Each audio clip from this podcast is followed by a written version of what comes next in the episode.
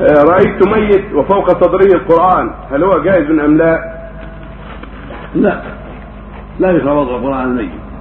ولكن بعض الناس سمع أن الميت وضع عليه شيء وظن أن القرآن أولى. وليس المقصود وضع القرآن. المقصود وضع شيء له ثقل. حتى على بطنه. حتى لا ينتفخ إلى أن يغسل وينقل إلى المقبرة. فيوضع عليه حديدة أو حجر. أو ما أشبه شيء ثقيل على بطنه حتى يغسل لأن قد ينتفخ. فيوضع عليه هذا الشيء الثقيل الذي يناسبه حتى لا ينتفخ إلى أن يغسل ويفرغ منه. ولا يوضع المصحف ليس مصحف آلة للتثقيل وإنما المصحف آلة طبع وكتب ليقرأ وينتفع به.